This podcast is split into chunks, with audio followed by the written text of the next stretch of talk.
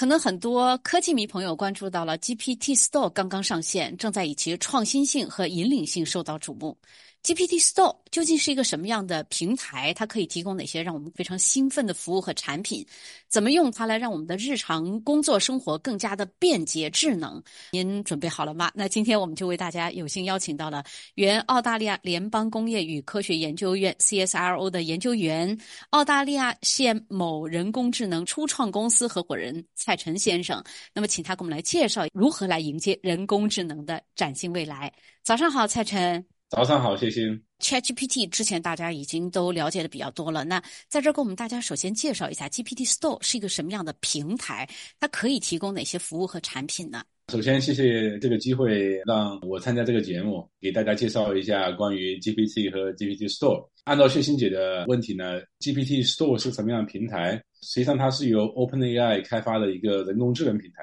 它的下面的基础就是我们大家已经比较熟悉的 ChatGPT 和 GPT-4 模型。这个平台呢，它是为独立的应用开发商提供了一个新的界面，基于 ChatGPT 和 GPT 模型开发新的商业产品和服务。另外一个方面呢，它也允许个体通过建立付费账户，所以一定是要 ChatGPT Plus 才能使用。个人用户呢，可以根据自己的需求购买相应的人工智能产品和服务。现在 GPT Store 已经上线有一周多了，现在上面已经开始有很多新的业务。ChatGPT 呢和 GPT Store 把这些业务按照他们的用途进行了分类，比如说有用来辅助研究的 Consensus，有用来指导编程的 Code Tutor，用来辅助商业设计的那个 Canvas，甚至帮助中学生学习数学和科学的那个 Flexi 等等。从我的角度来看呢。GPT Store 它代表了 AI 模型商业化的重要一步。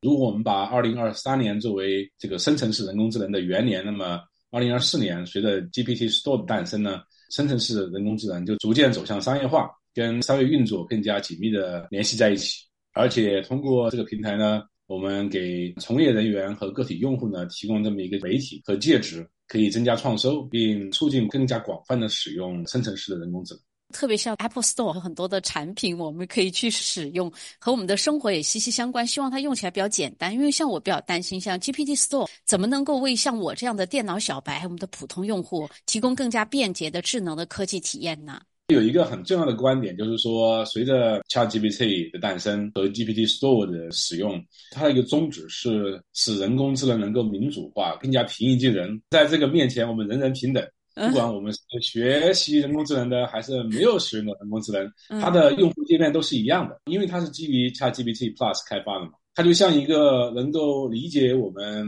意图的这么一个非常热心的小帮手，我们的生活工作中的助理。他从语义上理解我们想做什么，关心什么，甚至能够知道我们在问题中间一些非常细小的一些潜意识的东西，他能够去理解，然后提供一些非常人性化的、个性化的一些回复，甚至能够比我们问的东西想得更远。所以说，这么一种方式呢，它能够加速用户和从业者的自我学习，关于什么是人工智能，什么是生成式人工智能，怎么使用它，加速创新，能够使最终的商业化更加便捷。它的优势就是基于我们说的基于语义的一种理解和搜索，关于人工智能的使用更加灵活，而且能够产生定制的人工智能模型，以满足不同用户的特定需求。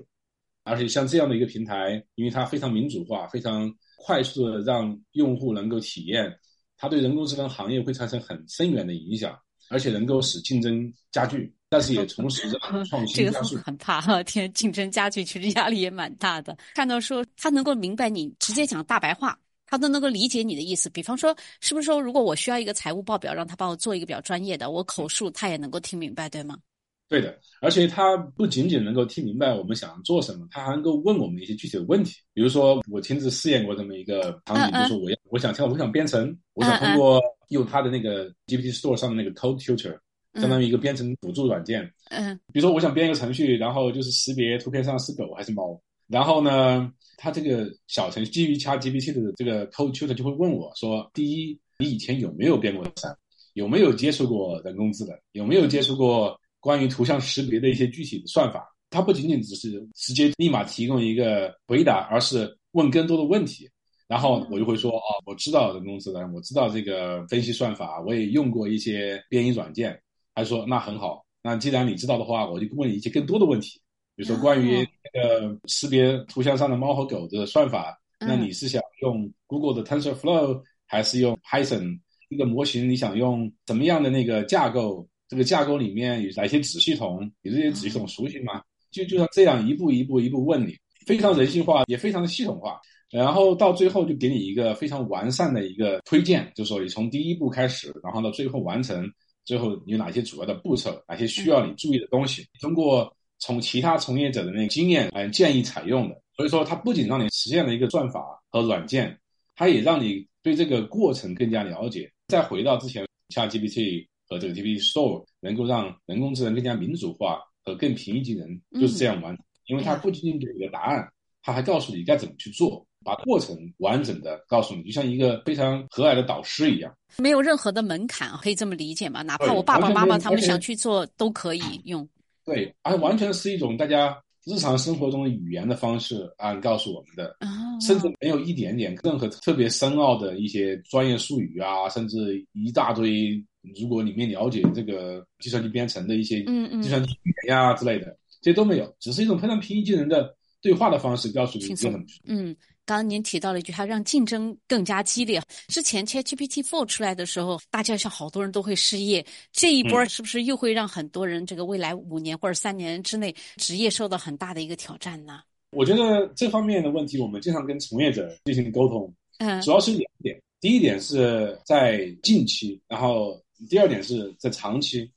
我觉得从近期来说的话。它并不会对个人的工作或者是从业形成威胁，反而它是一种倍增器。嗯，再举个例子，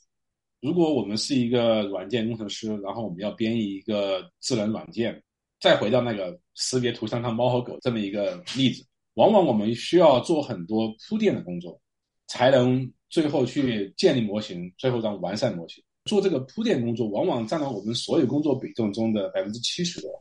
你可以想想，如果这些铺垫工作能够用一个像 ChatGPT 或者是 Code and Generator 这样的软件去做的话，我们实际上从业者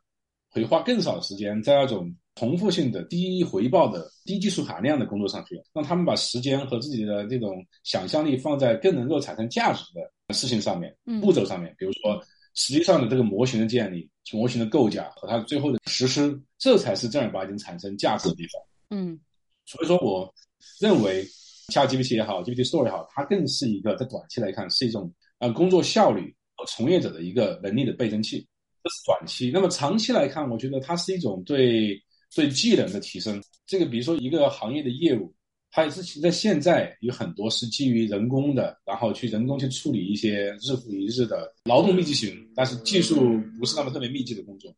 那么从长期来看，它会促使这个市场和从业者。进行更新或者这个变革，所以说人的劳动力会更多的被放到有产生价值的地方上去，而让这种重复性的低技术的工作由人工智能去去做。这并不意味工作被取代了，而是说我们从更大的范围来讲，人可以去驾驭这种机器，驾驭人工智能，让它更好的为我们的工作服务，更好的为我们市场。我觉得是从这么一种观点上去看。非常感谢你的时间，不客气。